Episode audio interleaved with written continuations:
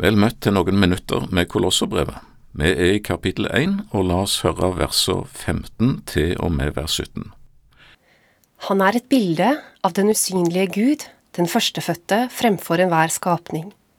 For i ham er alt blitt skapt, i himmelen og på jorden, det synlige og det usynlige. Enten det er troner eller herredømmer, eller makter eller myndigheter.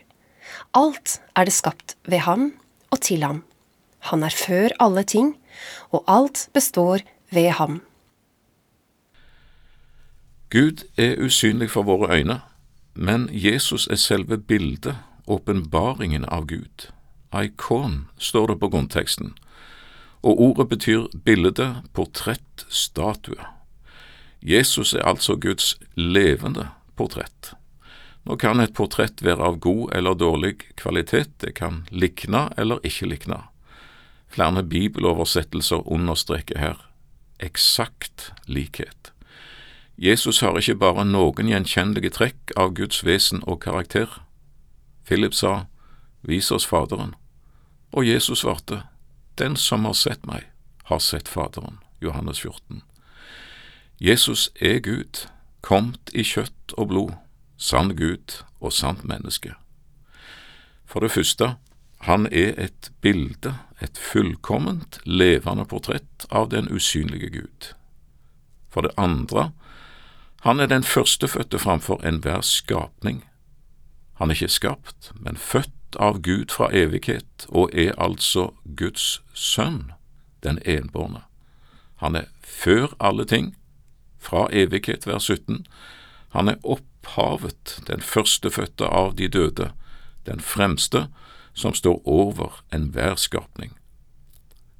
For det tredje, han er skaperen. I ham er alt blitt skapt, vers 16. Det himmelske og det jordiske, det synlige og det usynlige. For det fjerde, han er skilt fra og står over alle åndsvesener, engleskikkelser. I vers 16 nevnt som troner, herredømmer, makter, myndigheter.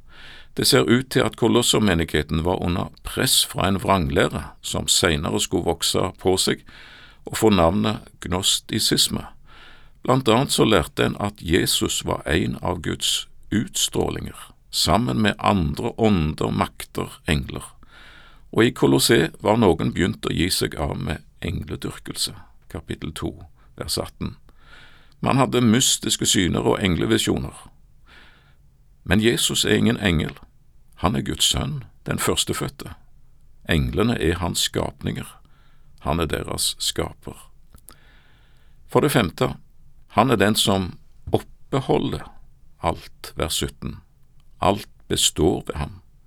Han skapte alt ved ordet, og han bærer alle ting ved sin kraftsord, Hebreerbrevet 1.3.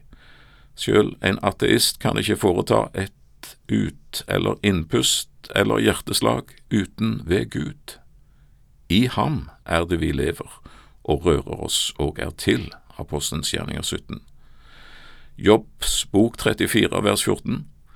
Dersom Gud bare ville tenke på seg selv og dra sin ånd og sin ånde til seg igjen, da skulle alt kjød oppgi ånden på en gang, og mennesket bli til støv igjen. For det sjette, han er selve skapelsens mål, hensikt, vers 16. Alt er skapt ved ham og til ham. Romerbrevet 11, 36 sier, Av ham og ved ham og til ham er alle ting. Han tilhører æren. Av ham, det peker bakover på skapelsen, han er alle ting skaper. Ved ham, det er nå. Alt består i denne stund ved ham. Han bærer alle ting. Til ham, det peker framover, mot målet, hensikten. Alt er skapt til ham, til hans glede og ære. Skaperverket kom under forbannelse ved syndefallet, lærer Skriften. Dødskreftene herjer, men skapningen skal, sammen med Guds folk, forløses og befris. Romerbrevet 8, vers 19 og utgjennom. Nå sukker og stønner det skapte, sier Romerbrevet 8, En gang skal fjell og hauger bryte ut i fryderop, og markens trær skal klappe i hendene, sier Jesaja 55. Den samme tanke synes å gjengis i vers 20 i vårt kapittel, der vi leser at Gud ved Jesus forlikte alle ting. Og det står underlig nok i intet kjønn, så det sikter ikke bare på mennesker. Alle ting med seg selv. Det ser ut til å ha med skapelsen, skaperverket, å gjøre. Vi venter etter Hans løfte, nye himler og en ny jord hvor rettferdighet bor. 2. Peter kapittel 3. La oss så gå videre til vers 18 til og med vers 20. Og han er hodet for legemet, som er menigheten. Han er opphavet, den førstefødte av de døde, for at han i alt skal være den fremste. For det var Guds vilje å la hele sin fylde ta bolig i ham, og ved ham forlike alle ting med seg selv da han gjorde fred ved blodet på hans kors. Ved ham, enten det er de som er på jorden, eller de som er i himlene. En kropp må ha et hode. Menigheten Guds folk utgjør Kristi legeme. Han er både hodet, lærer vi her, og hele kroppen. Vi er ett med Han, og vi skal fortsette å gjøre hans gjerninger på denne jord. Det var Guds vilje å la hele sin fylde ta bolig i Jesus, ikke deler eller fragmenter av Guds fylde, men summen av Guds fylde, av Hans agape, Hans hellighet, renhet, nåde, velsignelse. Alt dette bor og er i Jesus. Et spørsmål tvinger seg fram, formulert i Romerbrevet 8 og vers 32. Han som ikke sparte sin egen sønn, men gav ham for oss alle, hvordan skulle han kunne annet enn gi oss alle ting med ham? Gud gav sin sønn, og i ham har han gitt oss hele totalsummen, hele fylden av sin nåde og barmhjertighet. Det kan du lese om i Efeserbrevet kapittel 1, for eksempel. Ved Jesu død på korset forlikte Gud alle ting med seg sjøl, vers 20. Det er faktisk ikke sånn at det er med menneskene som er de foruretta, og Gud har vær så god å forklare seg og stå til ansvar overfor oss. Det inntrykket kan en jo av og til få i dag. Men vi er de som står skyldige innenfor Gud, syndere, opprørere, på kollisjonskurs med den hellige og ingen av oss kunne opprette fred med Gud. Så sender Gud sin sønn og gjør alt alene, tar bort det som skiller og hindrer mellom Gud og mennesker, vår synd, ved Jesu død på korset. Forlik leser vi om. Jesus er den store forliksmann, mellommann, fredsmekler. Han går på oppdrag fra Gud mellom disse parter som står så langt fra hverandre, mellom en hellig Gud og en fortapt menneskehet. Han er Gud og kan representere Gud overfor menneskene. Han er mennesket med stor M og kan representere menneskeheten overfor Gud. Og virkelig, han gjorde fred. Ikke etter gi og ta-prinsippet, ikke ved å vende seg til Gud og si du krever for mye av menneskene. Du må slå av på dine bud, på dine krav, på lovens strenge ord, og så å vende seg imot menneskene og si dere må virkelig ta dere sammen og gi alt for å leve hellig. Og så kan en gi og ta, og så kan en møtes på midten, og så kan en strekke seg. Nei, ikke sånn. Gud inngår intet kompromiss. Jesus er fredsmekleren som ikke trakk seg unna, som ikke sa at partene står så langt fra hverandre at det er intet håp om forlik. Jesus er den som gikk imellom, som ga seg sjøl for å skape fred. Fra menneskene mottar Jesus all deres synd og skyld.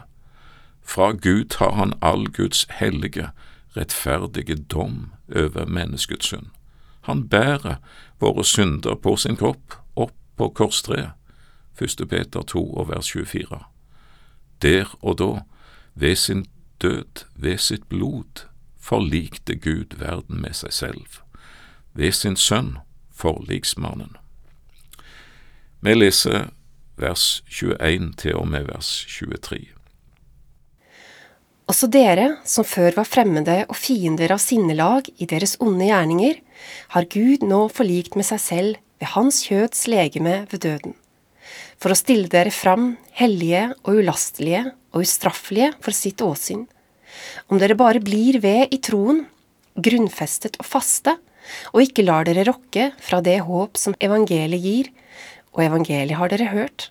Det er blitt forkynt for hver skapning under himmelen og for det er jeg, Paulus, blitt tjener. Vår status var og er uten Jesus, fremmede for Gud, fiender av Gud, leser vi. Ja, ifølge kapittel 2 og vers 13 så var vi faktisk åndelig talt døde, alt håp var ute, vi var fortapt. Men hva er status nå, i og med Jesus? Vers 22 svarer oss, for det første står vi hellige for Gud ved Jesus, rene, syndfrie. For det andre, vi står ved Jesus ulastelige for Gud. Ordet på grunnteksten betegner feilfri, uten feil eller mangler. Er du et feilfritt menneske? Har du ingen mangler? Så visst ikke i deg sjøl, så visst ikke i dine egne øyne, men i Kristus og for Guds ansikt feilfri. For det tredje, vi står ved Jesus ustraffelige, uklanderlige for Gud. Ifølge studiebibelen betyr ordet på grunnteksten en som ikke kan anklages, som er fri for skyld. An enkletes, sier grunnteksten, og ordet inneholder anklage, siktelse, men med en benektelse foran, et protest, et forbud. Nei, denne kan ikke siktes eller anklages for noe ustraffelig. Hvorfor? En eneste grunn, fordi Jesus på korset tok hele din straff.